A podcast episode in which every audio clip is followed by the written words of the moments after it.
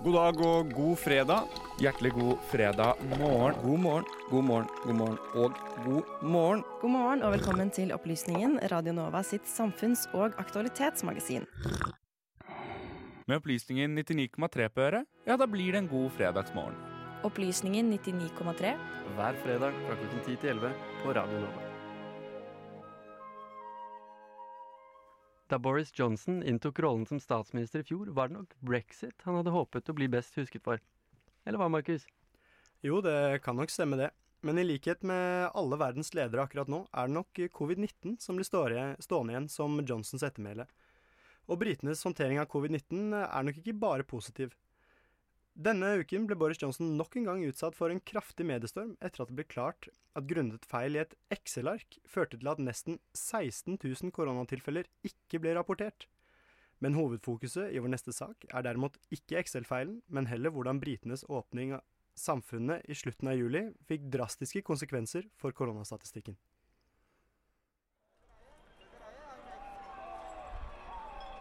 Det er en varm sommernatt i London 5. juli.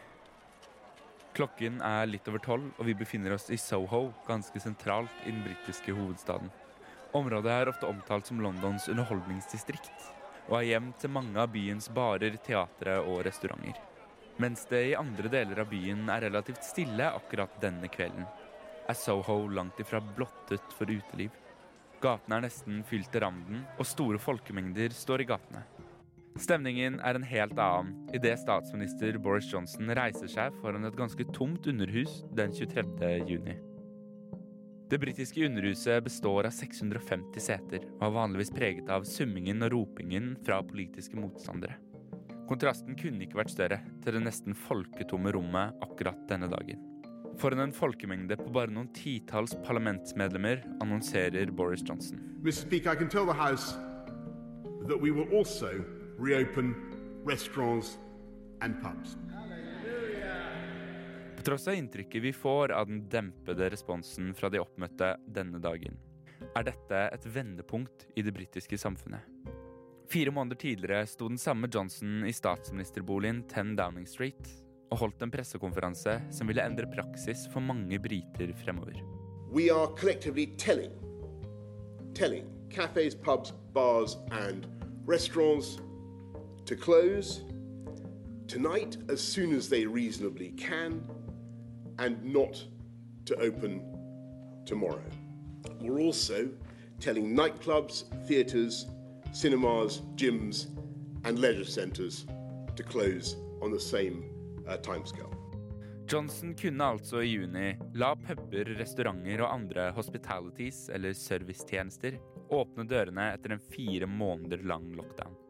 Han oppfordret befolkningen til å støtte opp under det lokale næringslivet som var kraftig rammet av lockdownen, samtidig som de ble oppfordret til å holde minst én meter avstand.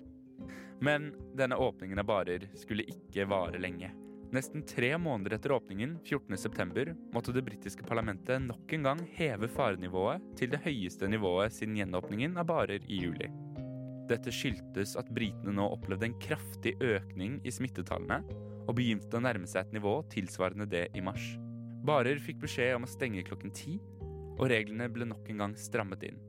Men det var ikke denne kursendringen som brakte en kraftig mediestorm mot Johnson og regjeringen. Det var en annen sak som ble stående i fokus. I slutten av august lanserte regjeringen kampanjen Get Back to Work. En kampanje fokusert på akkurat dette, å få folk tilbake på jobb.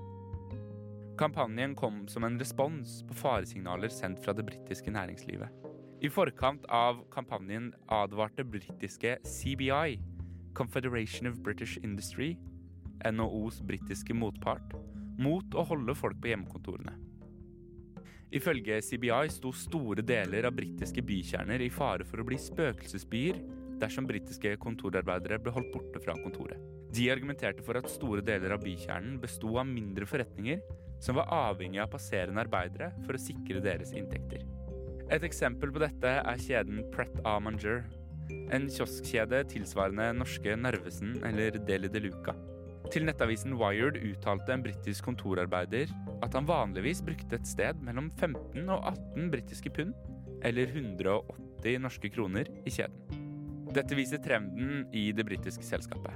som før koronatiden besto av over 400 filialer, 300 av disse i London, og solgte rundt 1,4 millioner kopper kaffe hvert år.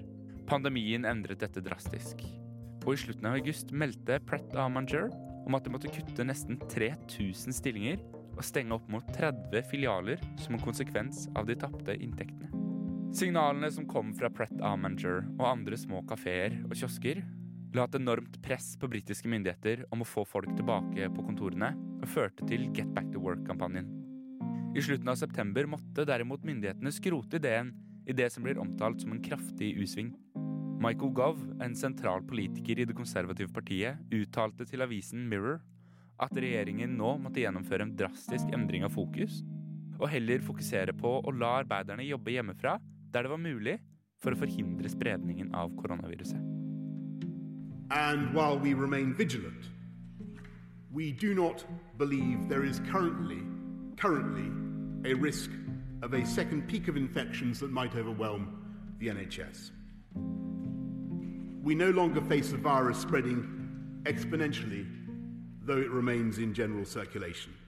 Johnsons uttalelse foran det tomme Underhuset 23.6 viste at det var bare akkurat da at det var liten frykt for ny smitteøkning som ville ramme det offentlige helsesystemet. Nå står Storbritannia overfor en massiv smittebølge med nærmere 10 000 nye tilfeller på en daglig basis. Dette er over dobbelt så mange som da britene var verst rammet i mars. Og mens fremtiden til britiske puber, barer, kontorer og kolonialforretninger er mildt sagt usikker, er én ting klart. Boris Johnsons håp den 23. juni om at situasjonen fremover ville være under kontroll, har forfalt. Du hørte reporter Sander Zakaria der. Lyden i innslaget var hentet fra House of Commons og 10 Downing Street. Du skal høre en låt fra Shibuya-distriktet i Tokyo. Her er Clang Ruler med Icon.